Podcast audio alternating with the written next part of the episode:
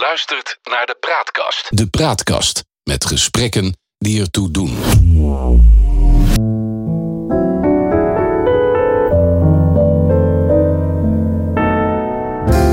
Welkom bij de Praatkast.nl. Dit is een aflevering van Het Geheugenpaleis. Mijn naam is John Knerim en samen met Han van der Horst maken we deze podcast. De geschiedenis herhaalt zich nooit, maar rijmen doet hij vaak wel. En dat gegeven gebruiken we in het Geheugenpaleis om dieper in te gaan op de actualiteit.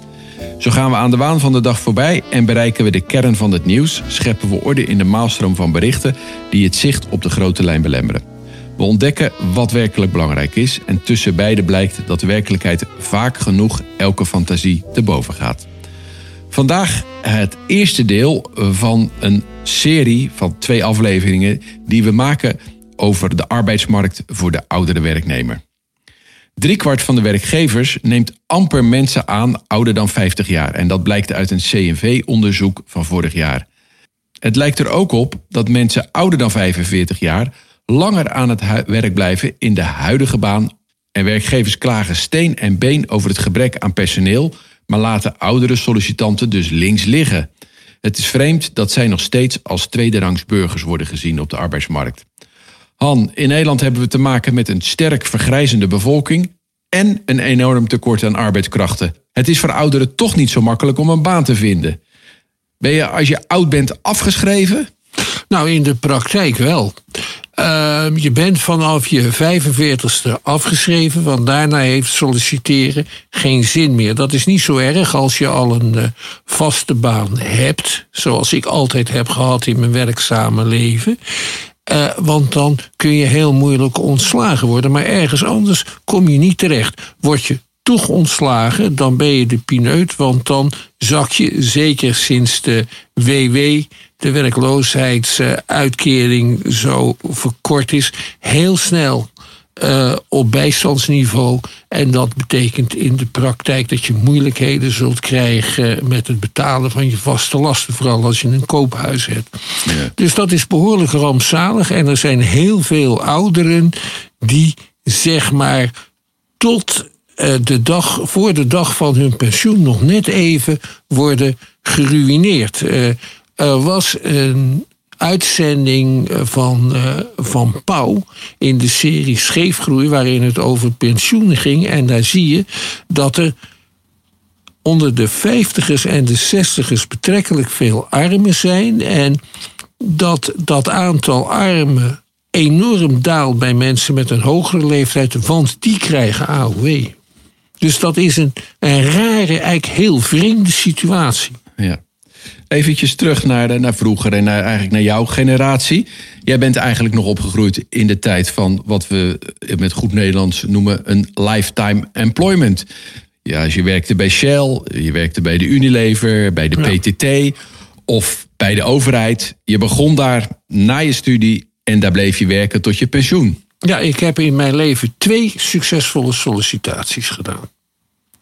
Eentje om uh, in een tijdelijke aanstelling leraar geschiedenis te worden op de HAVO-top van de gemeentelijke pedagogische academie in uh, Rotterdam. Daar ben ik vier jaar gebleven en toen heb ik succesvol gesolliciteerd bij de NUFIC, dat is de Nederlandse Organisatie voor Internationale Samenwerking in het Onderwijs. En daar ben ik tot mijn pensionering gebleven. Ik heb ja. nog wel eens een paar keertjes gesolliciteerd, maar dat leidde nergens toe. En dat had na mijn 45ste ook absoluut geen zin meer. Dus ik zit er nu redelijk goed bij. Ik heb een AOW, ik heb een ABP-pensioen opgebouwd, dat weliswaar niet zo hoog is als mij altijd is voorgespiegeld door de oplichters die leiding geven aan de pensioenfondsen. Maar ik heb het toch niet slecht, omdat ik niet ontslagen ben toen ik een jaar of 55 was. Ooit was er een systeem dat kort werd samengevat met de Engelse woorden last in, first, out. En dat betekende dat er bij ontslagronde de ouderen juist werden ontzien. Maar dat is niet meer het geval. Tegenwoordig vindt men het eerlijker om uh, de noodzakelijke ontslagen bij slechte bedrijfsresultaten te verdelen over de generaties. En dan ben je tot de armoede veroordeeld als je ouder bent. Ja, wees op, op een bepaalde manier natuurlijk ook wel weer wat voor te zeggen. Om niet je bedrijf helemaal te laten vergrijzen. Hey, helemaal in het verre verleden was je vader hoefsmeed of bakker of slager. En dat werd jij dan ook. Ja, dat uh, zat er heel dik in.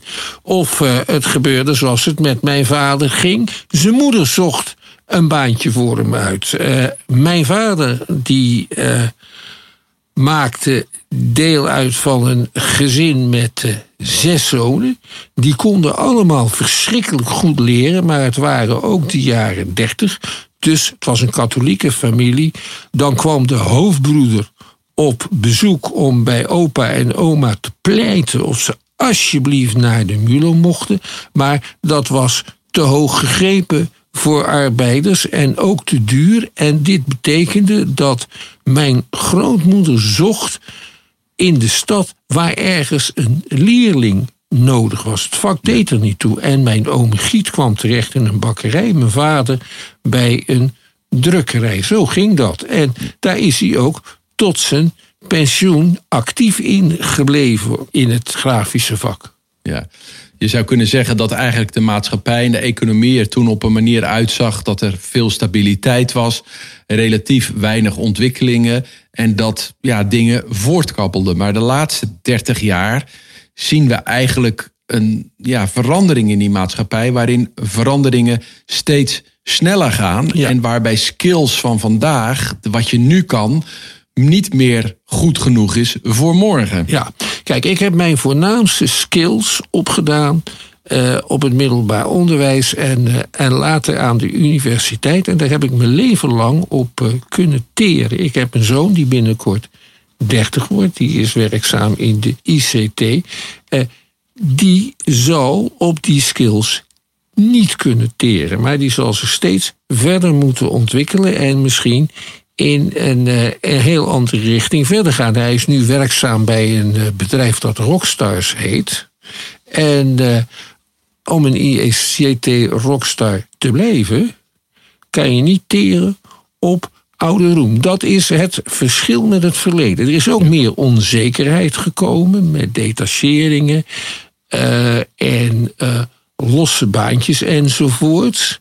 Wat dat betreft lijkt de situatie weer meer uh, op die in de 19e en het begin van de 20e eeuw. Want dan kon het voorkomen dat de baas tegen jou zei: vanavond heb je gedaan en dan was je ontslagen.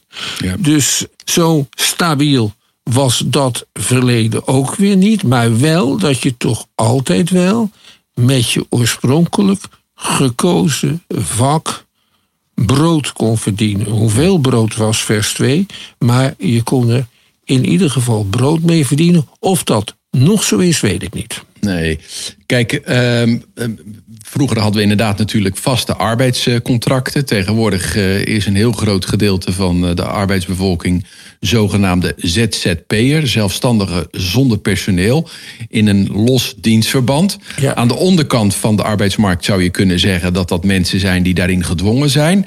Bijvoorbeeld de mensen van de, die de posten bezorgen en die de pakketjes eh, bezorgen. Die tegen een hongerloon eh, van deur tot eh, deur moeten. Vaak gedwongen. En wat meer aan de bovenkant. Mensen die goed opgeleid zijn. Die schaars zijn. Die het fantastisch vinden om als ZZP'er te werken. Omdat ze daarmee tegen hele goede tarieven zichzelf uitlenen aan, aan verschillende bedrijven. Ik heb er al eens een gesprek over gevoerd met Lodewijk Asje, die toen minister van Sociale Zaken was. En, en gezegd, ja, je moet oppassen dat je niet eigenlijk die, die hele arbeidsmarkt over één kam uh, scheert. Omdat de mensen die aan de bovenkant zitten helemaal niet in een vast arbeidscontract willen en ook zo niet meer denken. Karl Marx, die uh, had de volgende definitie voor een proletariër. Een proletariër was iemand die alleen zijn werkkracht kon verkopen. Nou, dat geldt voor, denk ik, eh, heel veel ZZP'ers. En dat ZZP-schap, dat is ooit in het leven geroepen om uh, uh, kleine ondernemers kans te geven om te ondernemen. In plaats van te verzuren op een of ander kantoorstoel. Dat is het achtergrond van het ZZP-schap. Daar blijkt nu op grote schaal misbruik van gemaakt te worden. Ja. Om, uh, om mensen die gewoon een, in feite een baan hebben in dienst van een bedrijf, om die uit te buiten. Dat is een schandaal en dat moet zo snel mogelijk veranderen. Weet je waar me dit een beetje aan doet denken? Uh, ik kom uit Schiedam en daar hadden we de beroemde professor Sanders. Uh, professor Sanders is de vader van het nieuwe ondernemingsrecht. En die heeft een wet geschreven waarin de NV, alle Nederlandse bedrijven waren haast NV's, werd gemoderniseerd. En waarbij er veel meer invloed kwam voor werknemers. Er was een geweldige wet, ook openheid van de boeken. Maar hij had een uitwijkmogelijkheidje gemaakt voor kleine familiebedrijven. Dat noemde hij de BV en we kennen het resultaat. We hebben het nu zelfs over de BV Nederland. En ook hier is dus een wet op een heel andere manier gebruikt dan de bedoeling was. Ja, maar je gaat voorbij aan, aan het punt wat ik aangeef. Ik deel met jou uh, zeg maar de visie op, op de onderkant van uh, de arbeidsmarkt, waarin mensen inderdaad uit vaste contracten geduwd zijn. Maar aan de bovenkant van de arbeidsmarkt is echt een behoorlijke grote groep die helemaal niet in een vast dienstverband wil. Nee. Maar daarvan is ook duidelijk dat ze niet in een vast dienstverband verkeren. Maar een echt eenmansbedrijf hebben met uiteenlopende klanten. Ja. Ja, en voor de rest zijn er heel veel vaak wat we dan noemen fictieve dienstverbanden. Ja, ja. Waarin uh, uh, mensen, ja, uh, in ieder geval het voor de werkgever heel gemakkelijk is om van een personeelslid weer af te komen. Ja, er hoort mijn... nog iets bij wat die ja. werkgevers veel vergeten. Dat is een Engelse uitdrukking. If you pay peanuts, you get monkeys. Monkeys, ja, ja. dat is absoluut waar. Ik had een gesprek met mijn zoon, die werkt bij Picnic als bezorger. En die vindt het fantastisch. Hij studeert nog en hij wordt opgeroepen wanneer het nodig is. En soms moeten ze vechten om slotsom aan de bak te komen. En toen vroeg ik aan hem, als jij ziek bent, wordt er dan doorbetaald? Waarop hij zegt tegen mij, nee, want ik werk dan toch ook niet, dan hoef ik niet betaald te worden. Waarop ik tegen hem zei, stel nou eens voor dat dit gewoon je echte baan is. En dat je je gezin daarvan moet onderhouden en je hypotheek moet betalen. Dan is het toch heel zuur als je niet uh, doorbetaald wordt als je ziek bent. En toen was het heel lang stil en we hebben vervolgens een heel gesprek gevoerd over de verworvenheden van uh, uh, ja, de arbeiders hier in Nederland, die dan doorbetaald worden tijdens ziekte. Wat ik bedoel aan te geven is dat het ook door de generaties heen, ja, men op een andere manier daartegen aan is gaan, gaan kijken. Uh, dat is ook het geval. Niettemin verkeert jouw zoon in een moeizame positie. Ik weet niet, wat studeert hij? Hij studeert werktuigbouwkunde. Dan heeft hij een goede toekomst voor zich, want er is veel vraag naar werktuigbouwkundigen. In Delft is een heel beroemde faculteit werktuigbouwkunde. Dat is ook trouwens een heel belangrijk centrum voor hulpmiddelen, de ontwikkeling van hulpmiddelen voor gehandicapten. Dat is een van, een van de vele sterke punten van de Delftse werktuigbouwkundige. Dat komt wel goed met die jongen. En hij, hij zal... doet het aan de HBO in Rotterdam, maar dat... Het, het... Nou, het maakt niet uit. Nee. mijn, mijn, mijn zoon ook. Heeft, dat, heeft ook aan diezelfde HBO gestudeerd.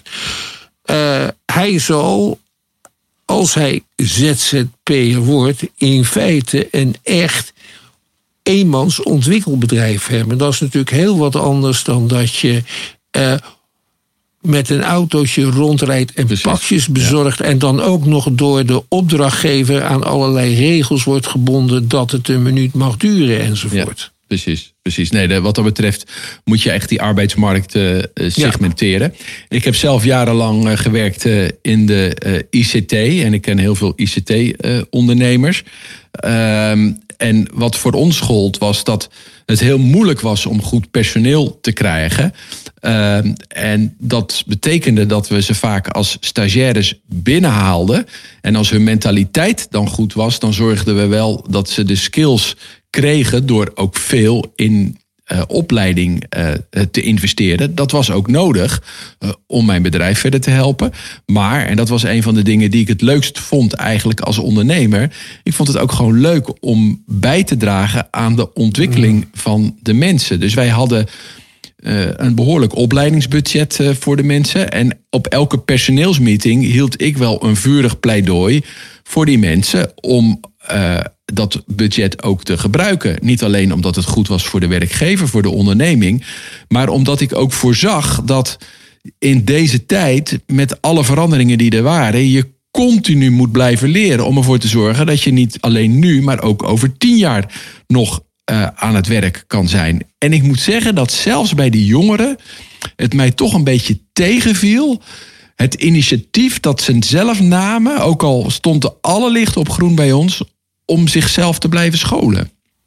Ja, dat komt omdat de gedachte nog steeds leeft dat je met een uh, behoorlijk HBO-diploma en helemaal met een academische graad er wel komt in de wereld. Ja. Kijk maar naar pa, dat is hem ook altijd gelukt. Ja. Maar die situaties die, uh, die zijn veranderd. Overigens heb ik, ik, heb, ik ben historicus, dat weet je. Ik heb eigenlijk maar vier jaar van mijn leven, in de tijd dat ik leraar was, mijn brood verdiend met geschiedenis. Daarna altijd met andere dingen. Die hadden dan met communicatie enzovoorts te maken. Ja. En ik had aan de universiteit wel een bepaalde manier van het oplossen van problemen geleerd. Die bleek heel breed toepasbaar. Er werkte bij de NUFIC veel historici in allerlei buitengewoon uiteenlopende functies. Ja. ja. En je kunt er zelfs premier mee worden. Want? Je, uh, Rutte is historicus. Ah. En, er zitten, en het blijkt dat, uh, dat, dat Hoekstra ook nog een stuk geschiedenis in zijn opleiding heeft. Nou, kijk eens aan. Kijk eens aan, ik vond het altijd een fantastisch vak uh, op school. Als we nou eens eventjes uh, de geschiedenis uh, induiken wat, wat dat betreft. we zijn ooit jager-verzamelaars geweest. vervolgens kwam er een soort verstedelijking en een ontwikkeling van de landbouw. We hadden het lijfeigenschap, we hebben de horigen gehad. En langzaam kwam er een soort stedelijke ontwikkeling waarin mensen hun banen vonden. Dat waren allemaal mensen dat als ze ziek werden of als ze hun baan verloren, dat ze aan de bedelstaf geraakten. Ja.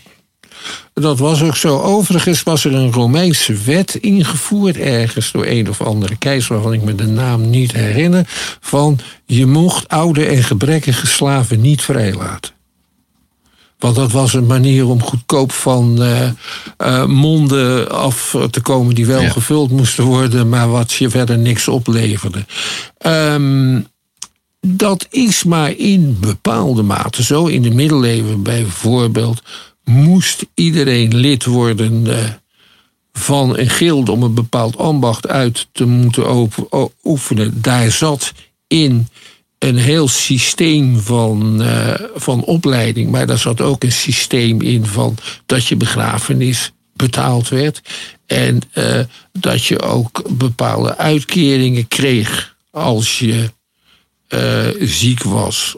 En dat stelde allemaal in onze ogen betrekkelijk weinig voor. Maar het is toch niet zo uh, dat het ieder voor zich en God voor ons allen was in, nee. uh, in de middeleeuwen of in de 17e eeuw. Er waren ook zeer uitgebreide systemen van uh, armenzorg. Althans in, in Nederland. Daar was Nederland zelfs beroemd om.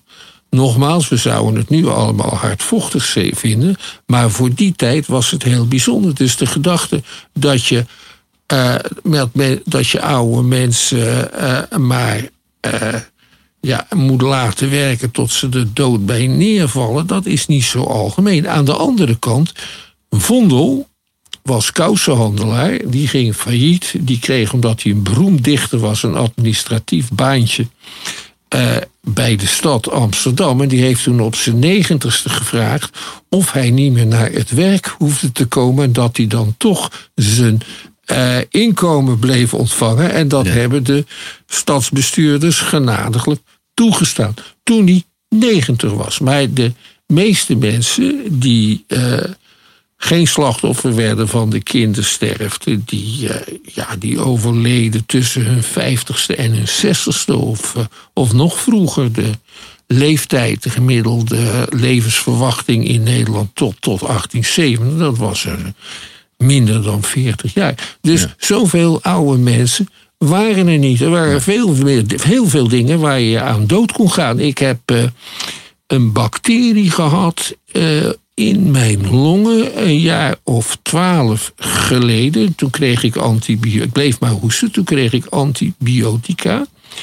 En eh, toen, eh, toen was dat binnen drie dagen over. Daar was ik in de jaren twintig van de vorige eeuw Aan waarschijnlijk aan dood gegaan. Ja, en wat precies. denk je van een rotte kies die tot Ja. bloedvergiftiging leidt als er geen wortelkanaalbehandeling wordt gegeven. Ja. En dus de kans dat je doodging aan van alles en nog wat, die was veel groter.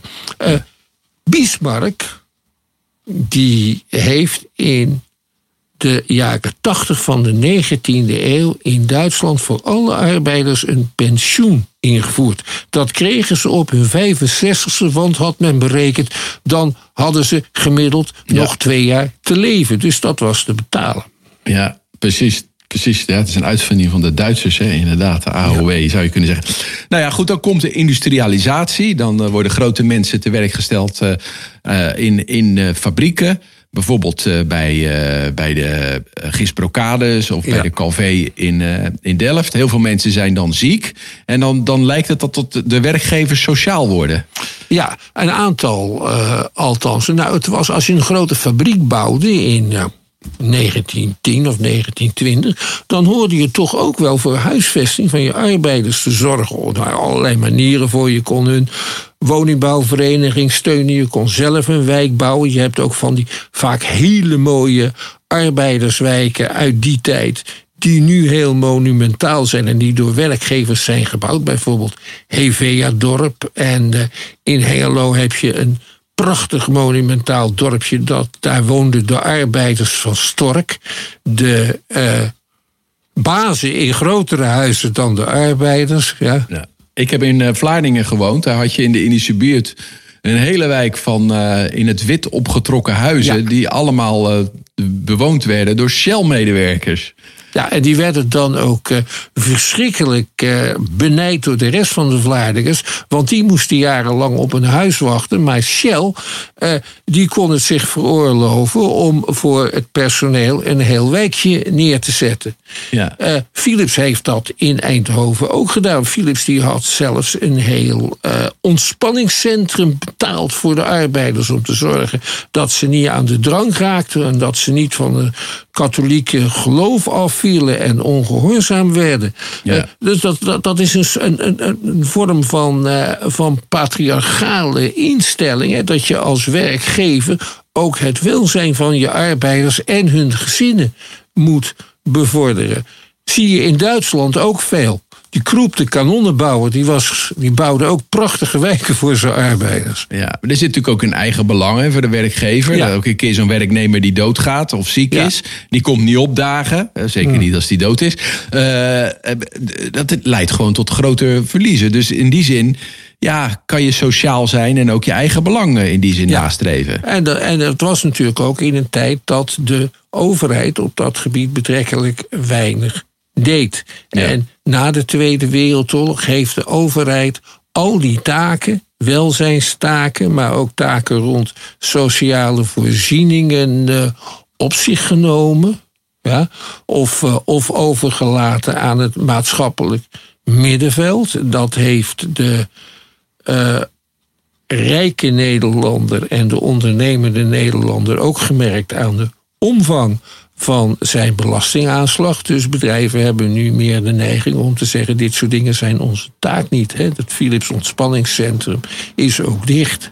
Ja. En de voetbalvereniging PSV is geen onderdeel van Philips meer. Ze zullen er nog wel wat geld in steken. Ja. En vijf sluizen bij eh, Schiedam eh, is afgebroken Ja. geworden. Omdat Shell dat ook niet meer eh, wenste Dan te moet je betalen. erbij vertellen wat dat was. Dat was een soort sportpark. Ja. Maar goed, in ieder geval wel voor de Shell-medewerkers Ja. om zich daar eh, te ontspannen op die Want, manier. want wij, wij, wij gewone Schiedammers werden daar als honden weggejaagd. Ja, dat gold ook voor gewone Vlaardingers. eh. Eh, nou ja, goed. de, een, een, een- je zou kunnen zeggen dat eigenlijk dat het sociale, de sociale bewogenheid van de, van de werkgevers, ook in hun belang, na de Tweede Wereld eigenlijk meer, is, ja, meer naar de overheid toe is getrokken. Ja, inderdaad. En niet meer op die manier tot uitdruk, uiting wordt gebracht. De WHO bijvoorbeeld, de beruchte WHO, is met enthousiast applaus van de VVD in de Tweede Kamer aangenomen. De meeste sociale wetten in Nederland zijn niet tot stand gebracht door de PvdA, maar juist door christelijke partijen en de VVD. Ja, ja, dat is altijd bijzonder. Vooral ook omdat ze daar een eigen belang eh, in zagen. De WHO was de wet op de arbeidsongeschiktheid. Ja. Uh, ik denk dat we daar, uh, ja, daar kunnen we best wel eventjes op ingaan. Dus op zichzelf een hele aflevering waard, denk ik. Omdat het is eigenlijk een groot trauma in de Nederlandse geschiedenis. Waar we tot op de dag van vandaag nog steeds mee te maken hebben. Maar voor nu moeten we het hierbij laten. Tot zover deze aflevering van het Geheugenpaleis. Volgende week gaan we verder met aflevering 2 in deze serie over de arbeidsmarkt. En dan met name gericht op de wat oudere werknemer. We, we, maken deze podcast in samenwerking met de Praatkast. En abonneer je op onze podcast in je favoriete podcast-app. Dan krijg je automatisch een bericht wanneer een nieuwe aflevering online komt. Vertel je vrienden over ons en laat vooral een beoordeling achter, zodat we nog beter gevonden worden. Luister ook eens naar een andere podcast van de Praatkast. Bijvoorbeeld Max Autokast. Daarin gaat Max Veldhuis in gesprek met mensen over alles wat met auto's te maken heeft. Is het rijden op zonne-energie eigenlijk wel haalbaar in Nederland en gaat waterstof het op termijn niet grandioos verliezen van de elektrische auto's? Ook deze Praatkast podcast is te vinden op de website van de Praatkast of in je favoriete podcast app. Voor nu dank voor het luisteren en tot de volgende keer bij aflevering 2 in deze serie. Wees gelukkig, blijf gezond.